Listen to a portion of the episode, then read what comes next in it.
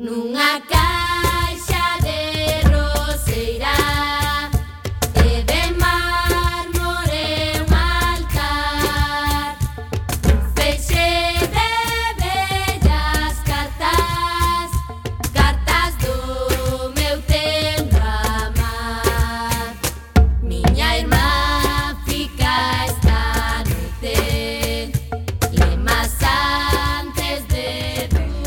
Ola, que tal? Recendeiros e recendeiras, benvidos e benvidas a este espazo radiofónico semanal dedicado á cultura que facemos en rigoroso directo todos os martes a 7 da tarde aquí no 103.4 desta emisora Coac FM da Coruña.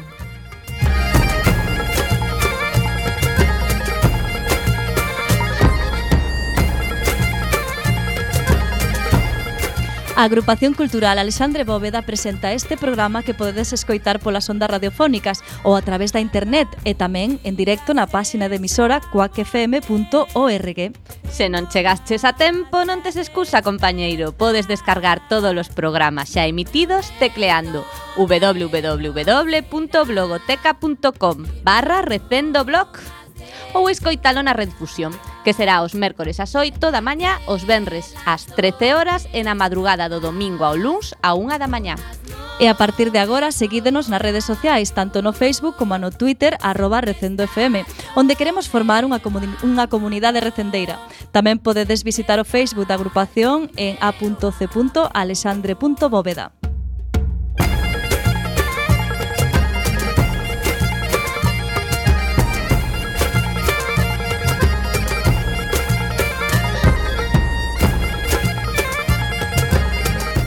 E xa sen máis, irmos para Caraló na procura desta fantástica aventura cultural con Roberto Catoida no control técnico e falándolles coa alma enteira Marta López e Uxía Vázquez na locución. Música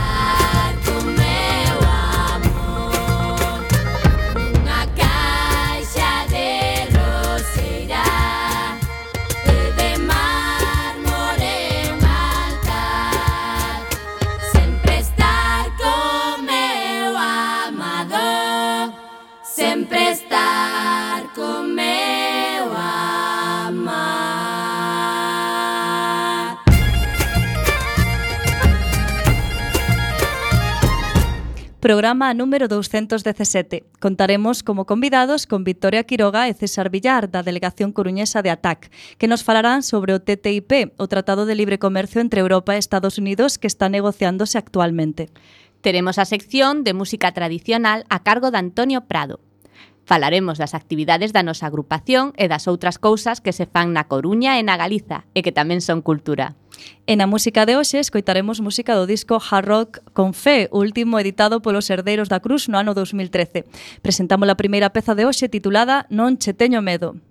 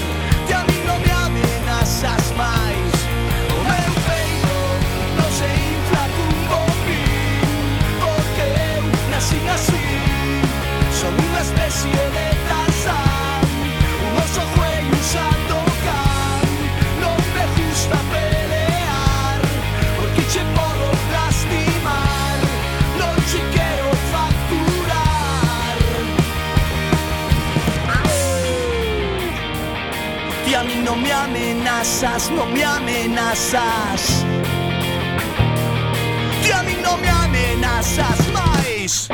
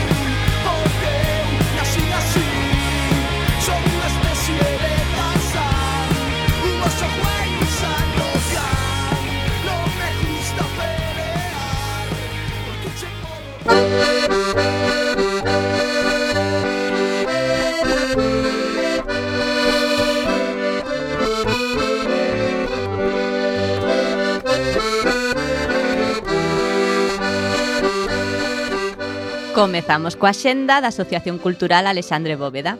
Temos un novo horario de apertura no local da Rúa Olmos, de luns a xoves e de 7 a 9 da tarde.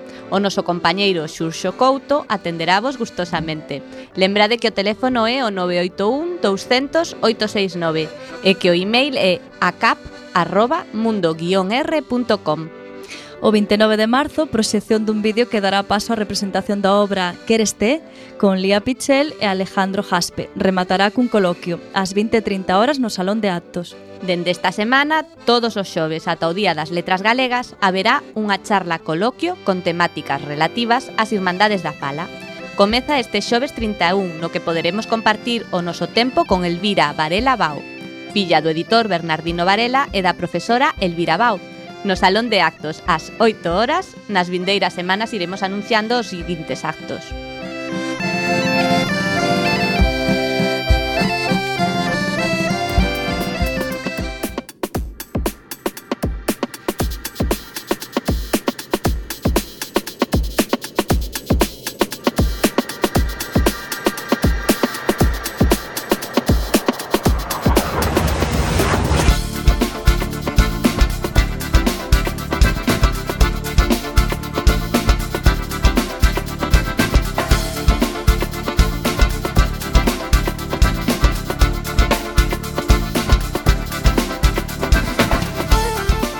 E imos agora ca Xenda da Coruña. O Benres día 1 ás 20.30 no Teatro Rosalía de Castro unha peza de danza para seis bailaríns do coreógrafo Julio César Ungo, Invisible Wires. Nace dun proceso de creación a cabalo entre Alemanha e España.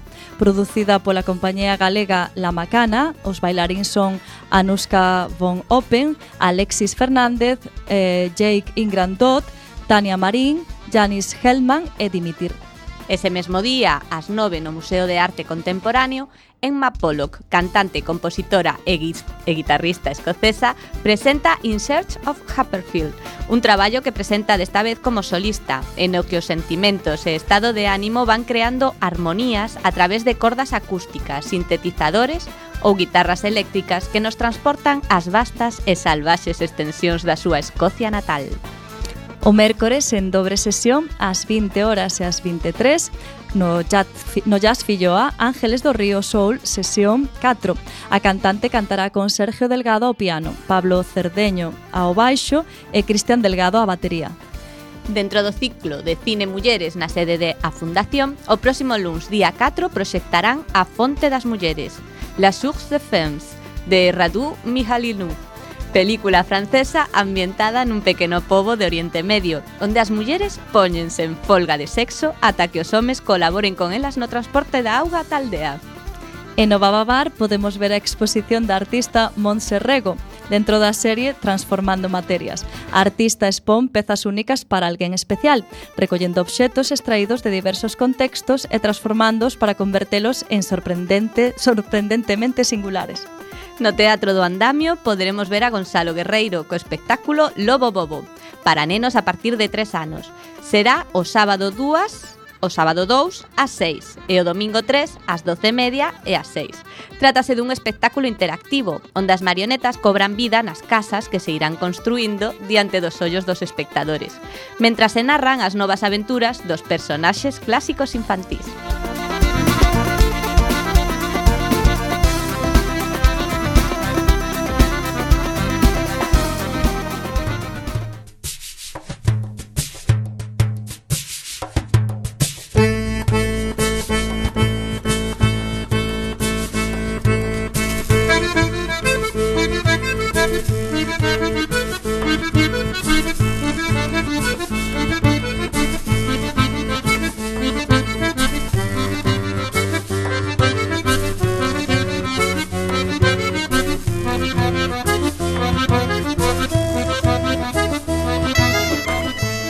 a quenda agora da Xenda de Galiza eh, Comezamos por Lugo.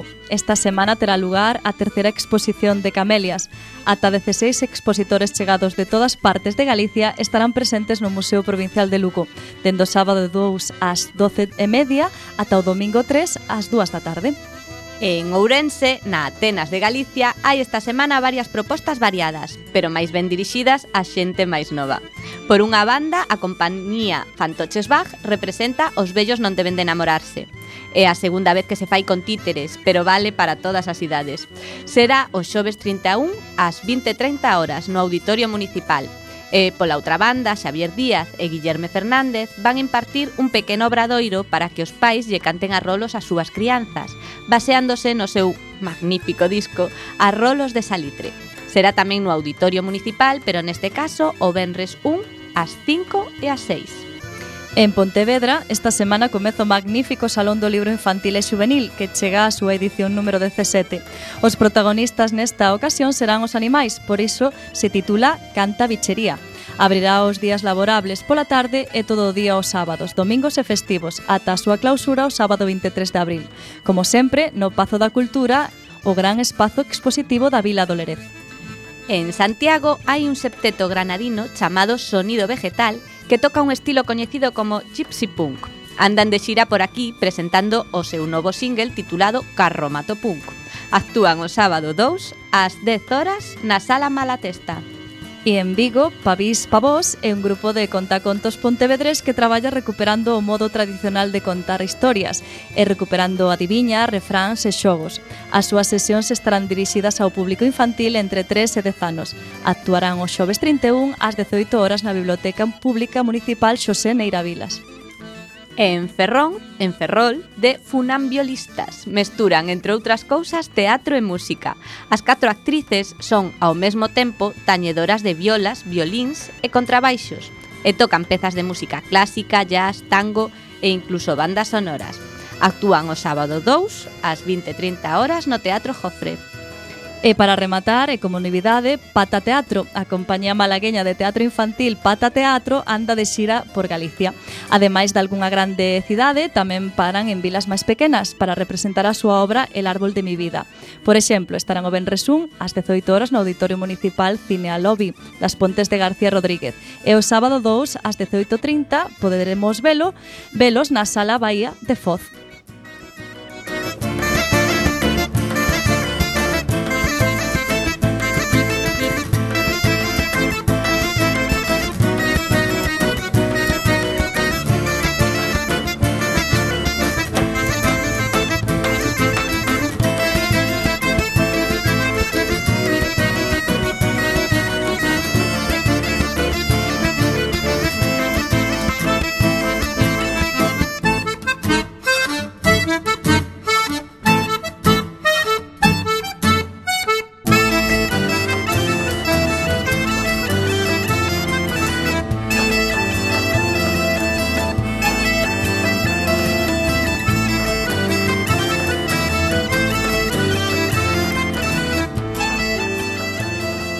TTIP, siglas do Transatlantic Trade and Investment Partnership, se o preferides en galego, Tratado Transatlántico de Comercio e Inversión, é un dos proxectos máis ambiciosos e segredos entre a Administración Obama e a Unión Europea. As negociacións iniciadas no 2013 involucran a Comisión Europea, a Secretaría de Comercio dos Estados Unidos e os diferentes lobistas que traballan para grandes multinacionais dos dous lados do Atlántico Norte. O contido das conversas só o coñecemos grazas a diversas filtracións do lado europeo. Segundo os entendidos, o TTIP é unha merma da democracia da Unión Europea e da soberanía dos países membros, así como unha ameaza para as economías máis febles da Unión, os dereitos laborais e a sectores tan básicos como a alimentación e a sanidade. O TTIP está sendo ignorado intencionadamente polos grandes medios e a propia Comisión Europea está deixando de lado ao Parlamento Europeo nas negociacións. Por sorte, aínda hai medios e asociacións adicados a informar sobre o TTIP e a concienciar sobre o seu perigro. Entre elas atopamos a, os nosos convidados de hoxe, a TAC, Esta ATAC, esta Asociación pola Taxación das Transaccións Financeiras e Acción Cidadá, naceu no ano 98 en Francia para apoiar a implantación da taxa Tobin, unha medida para tentar evitar a especulación financeira. A TAC creouse en España no ano 2000 e a ela pertencen asociacións de todo o Estado. Os seus obxectivos son a educación popular, traballar cos movimentos sociais, partidos e sindicatos e a mobilización social. Hoxe temos connosco a Victoria Quiroga, secretaria da TAC Coruña, e a Cesario César Villar, coordinador da TAC Coruña. Boas tardes os dous. Boas tardes. Comezamos a, a nosa entrevista. Para empezar, temos que aclarar que o TTIP é un tratado de libre comercio. Que é exactamente un tratado de libre comercio? Eh, pois un tratado de libre comercio considerase un acordo comercial regional ou bilateral para amplar o mercado de bens e servicios entre os países eh, participantes dos diferentes continentes ou basicamente mm, en todo o mundo. Consiste na eliminación ou rebaixa sustancial de aranceis para os bens e as, e, entre as partes e tamén para acordos en materia de, de servicios. E, ese acordo de libre comercio se rixe polas regras da Organización Mundial da, do Comercio e, ou, ta, ou tamén polo mutuo acordo dos países mas o TTIP é algo máis que un tratado de libre comercio. Eh, si queredes, eh, sí. sigo tratando mm. o TTIP. Bueno, como vos deixaxedes antes, eh, es comezou as súas negociacións no, en xulio do 2013, aínda que aínda que isto ten orixen no ano 90 durante o acordo transatlántico. Eh, sucesivamente foron facendo varios acordos hasta que chegaron ao 2011 onde se formaron grupos de traballo para a desaparición do para facer desaparecer desaparecer os obstáculos no comercio entre ambas partes. Eh, come, es, dando comezo por Obama xunto a Van Rompuy e Barroso eh, no 2013 as negociacións. Eh, este tratado se negocia eh, eh, non para reducir os arancéis, porque mm, xa son mínimos os arancéis entre as partes. Eh, neste caso sábese que mm, estes estados non, o, sea, o que queren é reducir eh, as normas, desregulamentar. Eh, este TTIP non se pode considerar eh, só ese tratado. Vai nun paquete de tratados que mm, son o CETA, que se negocia con entre U, a Unión Europea e Canadá, e o TISA, que é para o desregulamento de servicios públicos. O CETA xa está firmado desde hai meses, Eh, desde eu a fai, a, fai un ano, mas se, eh, necesita se, ser ratificado. E bon, pois... E o de servicios públicos? O de servicios públicos é o TISA. Eh, ah. aí eh, todavía están negociándose, mais eh, interveñen uns 50 países, ah. dos que dos que os 20, 28 son de da Unión Europea. Uh -huh. Hai que non considera máis perigoso en moitas aspectos que o propio TTIP, non? Porque claro, supón unha invasión supón unha infiltración, unha invasión dos, dos eh, eh, acaparar o que son servicios públicos de, de eh, en fin, servizos públicos fundamentais que todos os estados teñen como eh, non delegables en ninguén, pois eh, teñen unha capacidade de ten unha capacidade para eh, meterse, substituir a, os servizos públicos e ocupar o lugar que están desenvolvendo que é moi preocupante porque suporía unha perda de, de, de soberanía de soberanía dos propios estados a favor de, de grandes corporacións, eh, falemos de compañías de seguros ou falemos de que se poden meter na sanidade pública e tal. Ademais teñen un previsible efecto trinquete, de maneira que sería moi difícil reprivatizar, perdón, eh, eh re, eh, volver ao público, mm, reverter de novo ao público, os, é dicir, eh, hai que non considera máis peregos. Respecto, quixera matizar respecto ao tratado de de libre comercio que mm, ta, eh, quizáis o máis relevante que é un tratado de inversión, é dicir, a inversión é eh, de comercio, eh, queren bar, eh, quitar trabas, pero respecto ás inversións permitir liberalizar as inversións de maneira que se garanticen os dereitos dos inversores en detrimento dos dereitos da cidadanía, eso é se cadra máis relevante que baixar os aranceis ou que permitir mellor comercialización, eso, simplemente matizar iso. Eh, o TTIP eh, entra dentro de un montón de tratados de libre comercio. Exactamente, non sei se xa o dixeches antes, máis ou menos, pero que é o que fai diferente? Pois o TTIP é a Unión Europea o que a derogación do artigo 135 é a Constitución Española. Nun proceso desconstituinte dos países membros da Unión Europea. É dicer, que a, finalizar, a finalidade do TTIP é facer unha regra douro desa neoliberalización. Por isto pensamos que non só estamos diante dun tratado de libre comercio e inversión, é un desbordamento neoliberal por enriba no que o poder que se debería exercer eh, a través dos nosos representantes políticos democráticamente elexidos se alonxa das nosas mans para apartarnos da toma de decisións. Eh, podese afirmar que o TTIP pretende desregularizar a baixa todas as barreiras, os obstáculos, normas que no seu día foron debatidas a prol dos dereitos cidadáns. Por exemplo, aquí ponme mm, do tres puntos, máis ou menos, non? Fundamentais eh, de negociacións no TTIP. Eh, acceso ao mercado, as regulamentacións mm. e outros puntos vencellados a propiedade intelectual e dereitos laborais, non? Eh, sí, é que está todo vais, claro, bastante todo... relacionado, sí, sí. pero bueno, eh, eh, o acceso ao mercado... Campos, cales son así as novedades?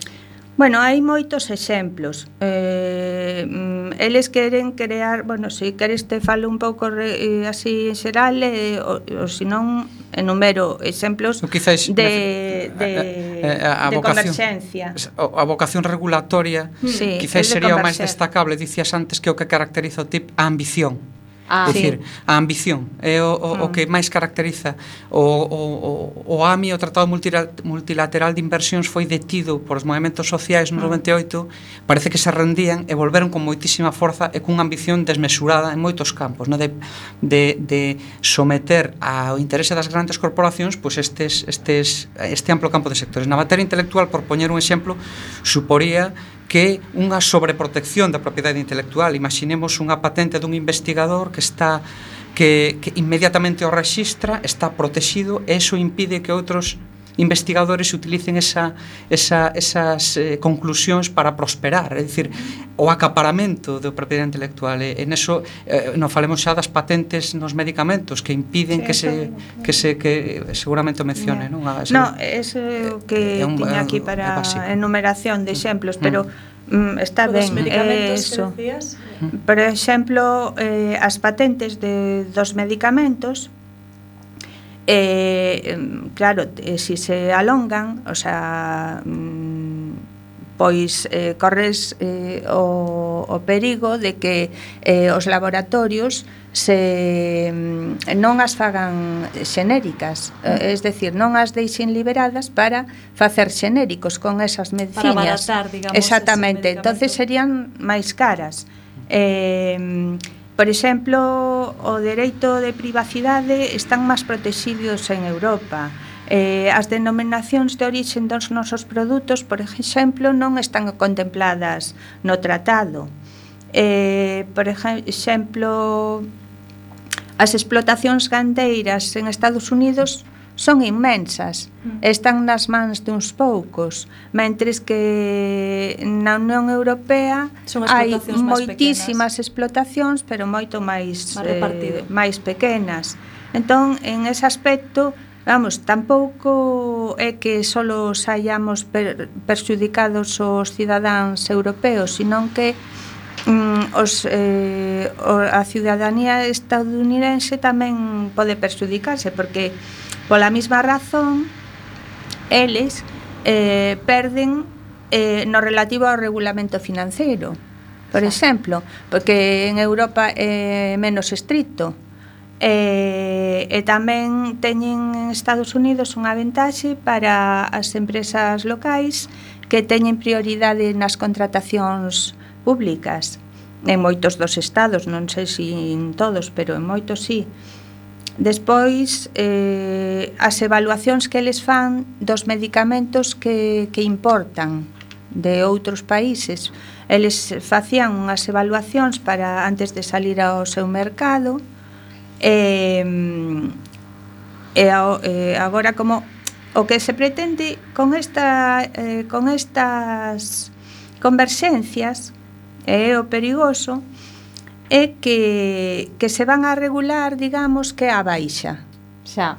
É que eh, claro, vemos un tratado en abstracto e non parece que logo vaya a afectar, pero en realidade vai a afectar Exactamente. A todo o mundo, tanto alá como acá. Exactamente, o sea que non é unha guerra entre estados. Claro, non, non vai afectar a xente. E eso afecta directamente mm. as cidadan a bueno. cidadanía tanto de Europa como de Estados Unidos. En un momento seguimos explicando estas complicacións así xurídicas, pero que en realidade nos van a afectar porque agora está o teléfono Antonio Prado, o noso corresponsal de música tradicional. Vamos primeiro.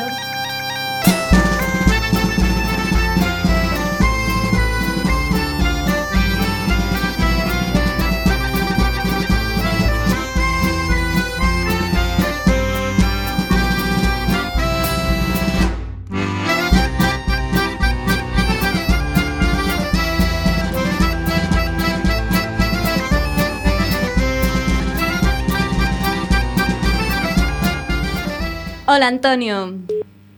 Hola. Antonio. Ai, cortounos. Seguimos coa música. Non, seguimos entón entrevista. Marta. Estábamos a falar en que nos debería de preocupar non? A, a converxencia das regulamentacións europeas cas americanas. Non? Eh, por un lado, a eles lles perxudicarían algúns aspectos e aos ciudadanos europeos noutros. Non? Uh -huh. E para concretar un pouco, facemos, eh, decías que nos medicamentos, eh, sí, por exemplo, a hora das patentes. hai, hai unha teño aquí anotadas unha enumeración de, de cousas que algunhas xa os dixen. Xa vos dixen mm, nunhas estamos afectados mm, a cidadanía eh, europea, europea eh, e noutras, noutras americana. americana. Por exemplo eh, nos produtos envasados na Unión Europea hai un riguroso etiquetado onde figuran as componentes de, mm. dos produtos. Eso non pasa en Estados Eso Unidos. en Estados Unidos non existe. Eh, as explotacións gandeiras xa o expliquei. Eh, despois en Europa hai unha cousa moi importante que é o principio de precaución. Mm. Eh, e que consiste en que antes de levar ao mercado a un produto, pois se investiga para ver si, si, si é efectos. seguro. Mm Mentres que en Estados Unidos se comercializa o produto e logo se fai dano ou alguén reclama, o retiran. Eh, o retiran a feito consumado. Eh, despois os dereitos os de privacidade. non, porque en Estados Unidos, Ah, bueno, exemplo, sí, sí, os transxénicos pode... son a cousa que como non figura, ademais, no etiquetado en eh, o sea, pois fíjate, nos que non sabemos se estamos eh, consumindo non sabemos, carne transxénica ou un peseta nos, transxénica. agora mesmo vas ao super e, e ves si un produto é transxénico ou mm. sai a venda, pero podes elexir mentres que mm, eh, si se quita o etiquetado pois non sabes o que comes ni de onde procede. Vamos, que imos a coller o mellorciño de cada lado, Pois non? sí.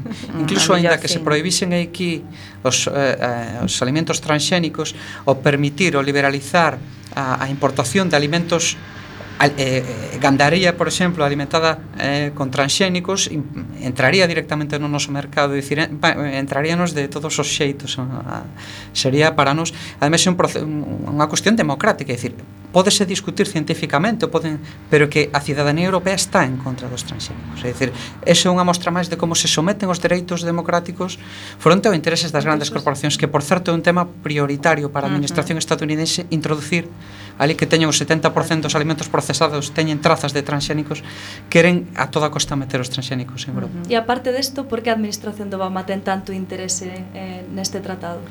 Eh, bueno, o Obama quere seguir ca súa hexemonía monetaria eh, fronte aos BRICS, que son os países emerxentes, especialmente fronte a China, pero tamén está Brasil, Rusia, India e eh, Sudáfrica, pero uh -huh. o que máis lle preocupa é China. Uh pola moeda. E entón, mm, por iso firmou o Tratado Transpacífico con 11, cos 11 países eh, que algúns forman parte do sudeste asiático e eh, se uniron mm, a eles eh, moitos eh, países a, a, dentro desos 11, Australia, Canadá tamén, mm, Perú, algúns máis. E despois tamén eh, teñen o NAFTA eh, asinado desde fai casi 20 anos con México e Canadá, polo que mm, eh, xeraron eh, unha grande parte do comercio internacional xa quedaría a, o albur de, dos mercados estadounidenses con esa... Mm, e por eso o, o interese de, deles, claro, é xeoestratégico, collerían con ca firma de tantos tratados de, de tantos países unha hexemonía enorme. E a Comisión Europea, non, que ganaría con este tratado? O interese da Comisión Europea é, é de marcado, é marcado pola política neoliberal da que se está a beneficiar a Alemanha principalmente eh, Francia aínda que meño, menos, non? eh, porque eles exportan moitos produtos que fabrican de alto valor engadido. Eh, máis que mm, eh, eh, claro, beneficiase eh, o país, pero non a cidadanía. De efeito, eh, a cidadanía alemana eh, eh, a francesa, o, eh, os ingleses tamén están moi interesados en que non se firme o TTIP porque están moi informadas, son cidadáns moi informados en comparación con nós. Eh, se ve que os medios de comunicación e eh, os partidos eh, pois son máis eh, abertos e non eh, non fan como, como aquí, claro. Bueno, están máis informados, pero todo se está levando en segredo, non? O sea... Sí, o tratado en sí mesmo, sí, pero as filtracións pois xa fixeron que, que moitas cousas trascendesen e a cidadanía pois eh, se manifesta, se, mm. hai fan mobilizacións, eh, recollen moitísimas firmas, asignaturas e eh, eh, eh, entón pois as mobilizacións fixeron que que haya reticencias eh, incluso en Merkel para aplicar os mecanismos, por exemplo, que, bueno, creo que hai unha pregunta aí que Eu penso que a, falaremos voca dela. a vocación que teñen é, como dicía antes, moi ambiciosa. De feito, a, ao Consello de, Co, de Cooperación Reguladora, con este baixo este nome tan eufemístico, eh, eh o que pretenden non é mm, vixiar as leis, pretenden escribilas directamente. É dicir, está previsto que eu penso que o puntal básico do, do TTIP eh, está previsto un, un, un organismo que eh, de antemán coñeza as leis que se van dictar ah. dende un concello ata un parlamento nacional ata un parlamento coñezan de antemán se xa sometido a ese, a ese consello e ese consello critique dante, eh, poida eh, eh, digamos reformular dunha maneira máis conveniente para que non prexudique aos inversores. Ese é o prioritario, non se fala de, cida, de dereitos cidadáns, falase de dereitos económicos sempre. Economía é prioritaria. Entón, eso é hai que non considerar, aparte que é dinámico, como un virus caracterizan algúns, dice, meten como un virus que non só vai vixiar as normas, é que as vai escribir directamente, coa presenza de lobbies que teñen influencia directa demostrada clarísimamente e pretenden que que incluso intimidar, co, seguramente falará a Victoria do, dos, dos presuntos tribunais de, mm. que teñen previstos, non? É dicir, pretenden non, non só pretenden controlar, pretenden escribir directamente as leis. Directamente, mm. basándose mm. xa mm. a democracia e todo. Bueno, imos facer un pequeno momento musical e imos a escoitar outra vez a Heredeiros da Cruz, esta vez o a canción A Duquesa de Poi.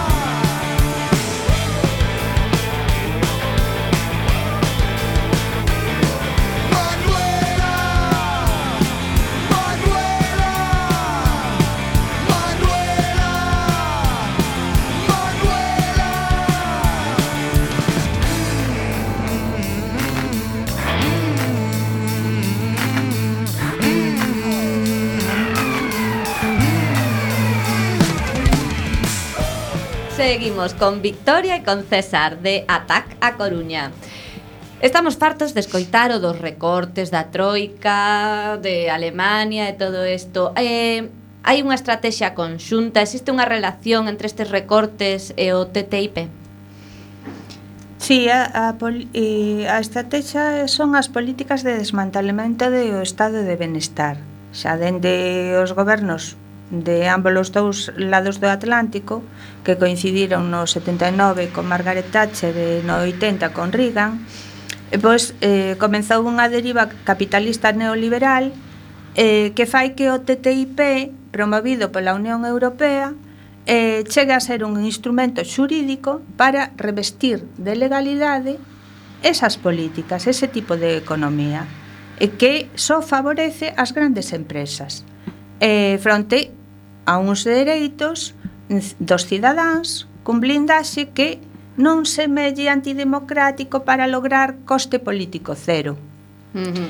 eh, eso eh, substitúen a, eh, fai que sustituan os nosos representantes políticos e, por tanto, a nosa democracia.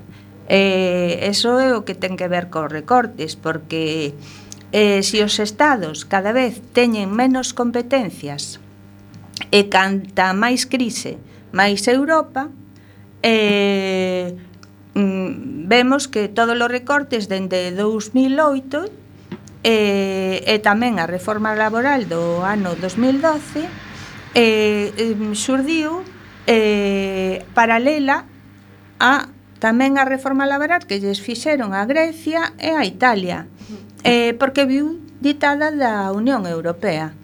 E eh, Rajoy lle foi fácil explicar os recortes dicendo, dicindo que viñan de Europa. Mm. Eh, claro, ten, ten relación, claro. Mm. Todo isto do TTIP estáse levando as negociacións en super secreto. Sabedes exactamente por que isto, para que non nos enteremos, claro. Claro. Eh... E, e de onde, porque nos enterámonos por unhas filtracións, dixeches uh -huh, antes. Uh -huh. De onde proveñen esas Filtracións. As filtracións proveñen en principio de Wikileaks. Ah. Wikileaks eh, comprobouse a certeza de moitas que se souberon por esa vía. E posteriormente houve máis filtracións incluso de parte dos funcionarios, de algúns dos funcionarios que participaron na comisión eh, que estiveron nas negociacións. E eh, máis tarde tamén os europarlamentarios xa no 2014 eh, os europarlamentarios do Grupo Confederal de Esquerda Unitaria, xa mm, enterados de que se estaban negociando o tratado, pois exixiron, empezaron a exixir se desamos amosara eh, documentación das negociacións. Eh, tiveron moitas dificultades porque teñen que solicitar con nome, con moita antelación, eh, facer consultas e eles lles dan paso a unha sala de lectura en donde lles quitan todos, todas as ferramentas que lles poden permitir anotar como non poden levar nin un boli, nin un papel, nin un móvil, nin un reloxo eh, para que non podan gravar ou non podan facer unha foto de ningún documento. Por outra parte, tampouco lles, ensen, lles mos, amosan un, un documento relevante. Os parlamentarios teñen que, que pedir eh, algo concreto para ler e a veces os parlamentarios pois, pois non saben onde poden encontrar información de interese, pero a base de, de acceder á sala de lectura, pois eh, vanse enterando de cousas. Bueno, eu diría que incluso das propias revelacións, non revelacións, senón as propias manifestacións dos, de, de moitas das persoas que saben do asunto, xa se desvela a realidade, recoñecen, por exemplo, fala a propia Comisión Europea fala de presuizos eh, eh, prolongados e considerables literalmente para os traballadores europeos, é dicir, incluso se nos atemos ao literal das súas propias manifestacións non fai falta nin revelación. É que realmente non fan falta moitas veces mm. respecto ás revelacións eh, pois eh, son eh, vamos moi evidentes.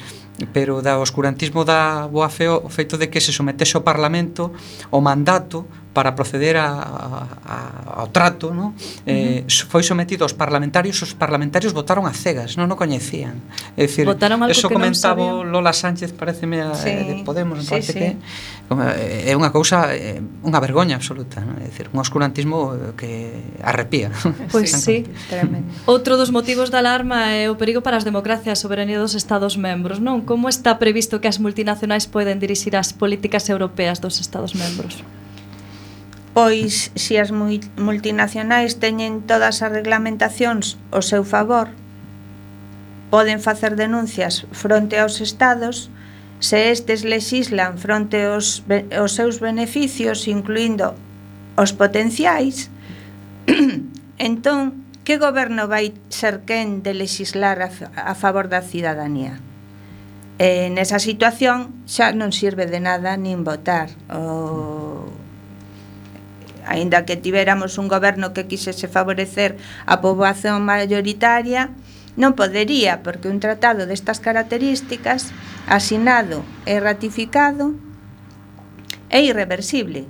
E de eso xurde eh, o resultado, a perda de soberanía, porque eh, non, non podes loitar contra fronte a unha cousa que, que bueno, logo está asinada, ratificada. Uh eh, -huh.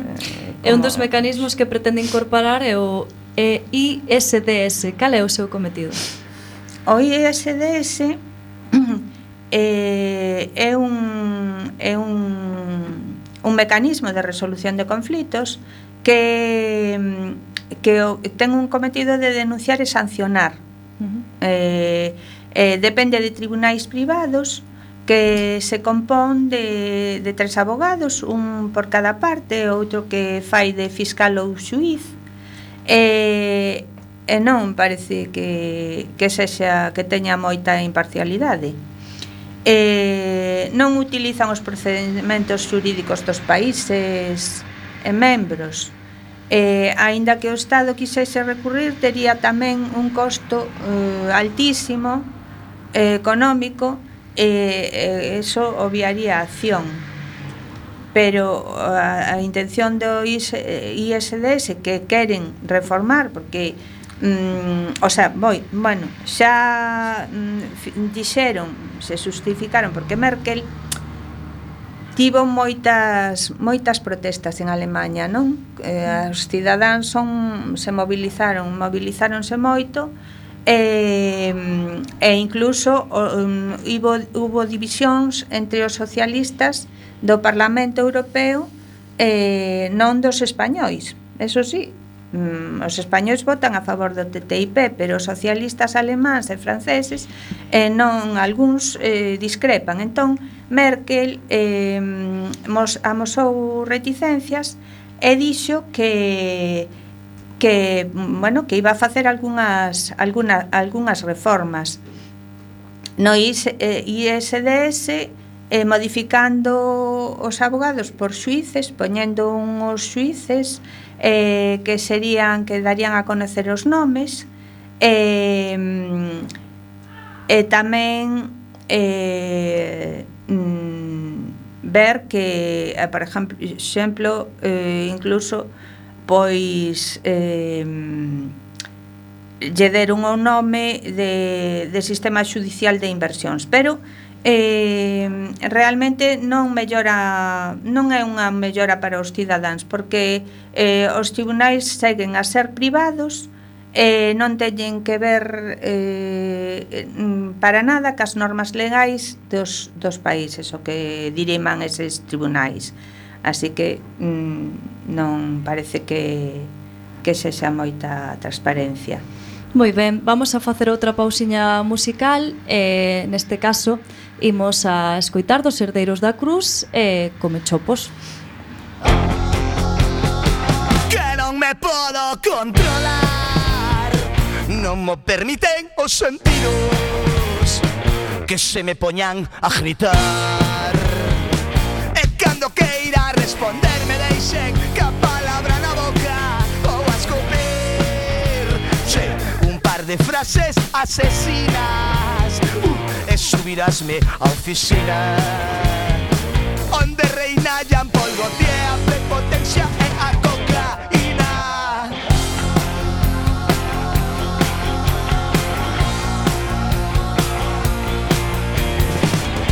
E o castanye subindo moitos fumes apodan jo que has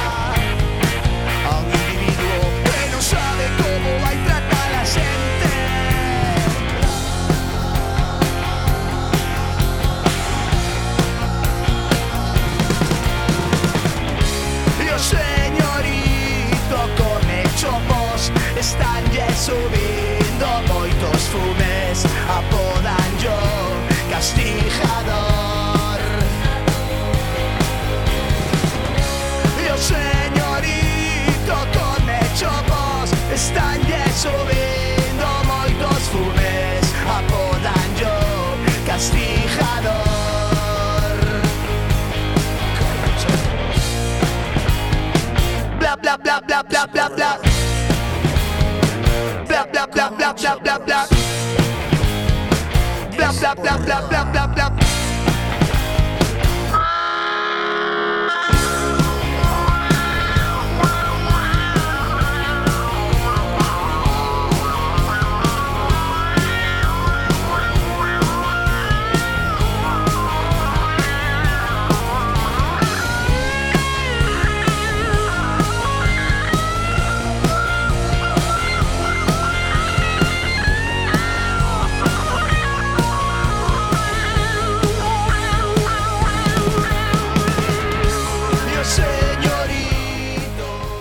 eh, dende os gobernos, dende a Unión Europea, cales son os argumentos esgrimidos a favor do TTIP? Algo teñen que decir. Sí, eh, unha das cousas nas que fan moito fincapé é no tema de que beneficiaría moitísimos pequenos e medianos empresarios. Non din que lle abriría mercados que ata agora están pechados, poñamos, eu quero vender xamón ibérico, pois o mellor en Estados Unidos teño certas dificultades, porque Entón eles falan de unha rebaixa dos, das, eh, o que se pagan as taxas da aduana e tamén falan dos obstáculos non arancelarios que se van reducir, é dicir, chamanlle obstáculos o que moitísimas veces son dereitos, non? Porque nós o mellor regulamos, eh, decimos que un produto, eh, un alimento estranxeiro non entre pois porque ten determinado tipo de bacteria, posiblemente, tal, pois esa é unha protección. Bueno, eles din que ese tipo de eh, obstac obstáculos, chamanlle eles, fixe, eh, fixade que a visión é sempre a do, a do vendedor, nunca é a do consumidor e cidadán. Non? Bueno, pois din que van reducir as barreras arancelarias, falábamos antes tamén de que iba a favorecer esta, este, esta consolidación de protección cos dereitos de propiedade intelectual, que vamos poder vender a, a través de internet. Bueno, comprendemos que certas barreiras certas barreiras comerciais, como é, por exemplo, poder facer un trámite por internet internet é comprensible. Non?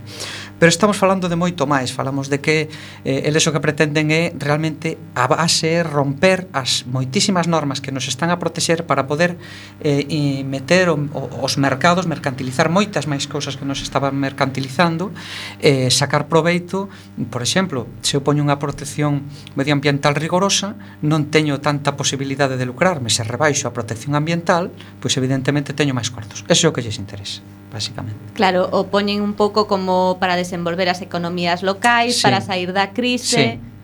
Sí, pero sair da crise isto non nos vai sacar da crise. Mm. Estamos falando de que un dos informes que utilizan eh, é ridículo, porque non sei, podían tru de trucalo, que o truquen mellor, porque francamente, decir 600.000 postos de traballo, o 0,5% de crecemento para 2027. É absolutamente ridícula esta cifra E logo, aparte, que hai outros informes que desminten, pero que non é crible. Primeiro, a, a, a metodoloxía que utilizaron foi absolutamente un fiasco, non? a metodoloxía que utilizan, pero non é crible. Isto, eh, en realmente, os informes Eh, se nos baseamos nos antecedentes, falou a compañeira do NAFTA, uh -huh. o NAFTA xenerou 700.000 desempregos en, entre Canadá, Estados Unidos e México, fuga de capitales eh, capitais eh, eh, americanos que iban a México porque estaban máis eh, desregulado e había mellores condicións, unha serie de prexuizos frente aos pequenos agricultores. Aquí os gandeiros están pequenos gandeiros e agricultores están botando as mans á cabeza porque saben o que se lles ven encima. É dicir, eh, non sei como poden ter a desfachatez de dicir que isto nos vai eh, facer medrar o que vai mm, facer mellorar a economía cando é potenciar máis do mesmo, favorecer os grandes capitais e destruir economías locais. Todo o contrario do que den, e xa non falemos que tamén o mencionou un pouco de pasada porque non hai tempo das, das denominacións de orixe que falan protexen moi, te, moi dun xeito moi tenue eles din, bueno, al menos se, se admitirá a súa coexistencia, pode, pódese garantizar a protección de algúns produtos. Eu son do Ribeiro, o viño do Ribeiro, gracias á protección da denominación de orixe, prosperou e, e está producindo uns beneficios enormes na miña comarga. Isto eh, sería eh, moi moi difícil de soster con, a, con uns cap un tipo de agricultura como a americana que é tremendamente poderosa, e moi subvencionada de outros xeitos que non podemos entrar, en fin, que é ilusorio decir que, que podemos mm, subir na nosa economía gracias a este tratado. Claro, en Europa perxudicaría moitísimo porque non hai tampouco, o sea, hai moitos pequenos sí. eh, pequenas empresas, sí. medianas e pequenas empresas sí, que saldrían moi perxudicadas de todo isto, non? E en España peor. En España máis. Bueno, Por... en Galicia xa, xa non digamos. Claro, en España en, en Galiza triplemente, a agricultura e gandaría, por suposto, por xa están tocadísimos pola PAC, pola eh, eh, política agraria común, pero pero eh, a diferencia de de de de do poder das grandes granxas americanas, perdón, das grandes eh, empresas mm, americanas comparado con nós eh, nese aspecto, pero logo as, as pequenas e medianas empresas nosas son moi pequenas como para poder eh, competir, eh, competir eh, obter financiación e poder competir e facerse fortes no mercado. Pode haber unha, non? Unha ou dúas, pero é moi difícil, en xeral non se pode dicir que mellor. Bueno, César, mm. Victoria, esperemos que algo de luz caera entre os nosos ointes. Moitísimas grazas por estar aquí. Gracias a vos. Gracias a vos por esta oportunidade. E sen tempo para máis odiseas, imos chegando a fin do camiño deste recendo. Despedimos o programa de hoxe agradecendo aos nosos convidados, que, como sempre, son de honra. Victoria Quiroga e César Villar da Delegación Coruñesa ATAC. E agradecendo a semente pedrangular de todo o noso comando e equipo de produción formado por Javier Pereira, Uxía Vázquez e Roberto Catoira. E aquí estivemos nos controis Roberto Catoira e co alento do micrófono Marta López e Uxía Vázquez acompañándote neste recendo de palabras e de imaxes radiofónicas que nos traen este aroma cantado na nosa lingua e que nos permite hoxe tamén no futuro a permanencia da palabra, da música, da implicación e o compromiso coa nosa nación, a Galiza. A Tovindeiro martes a 7 da tarde en directo nesta emisora coa que FM da Coruña. Xa sabedes, recendo as mil primaveras que terá o noso idioma.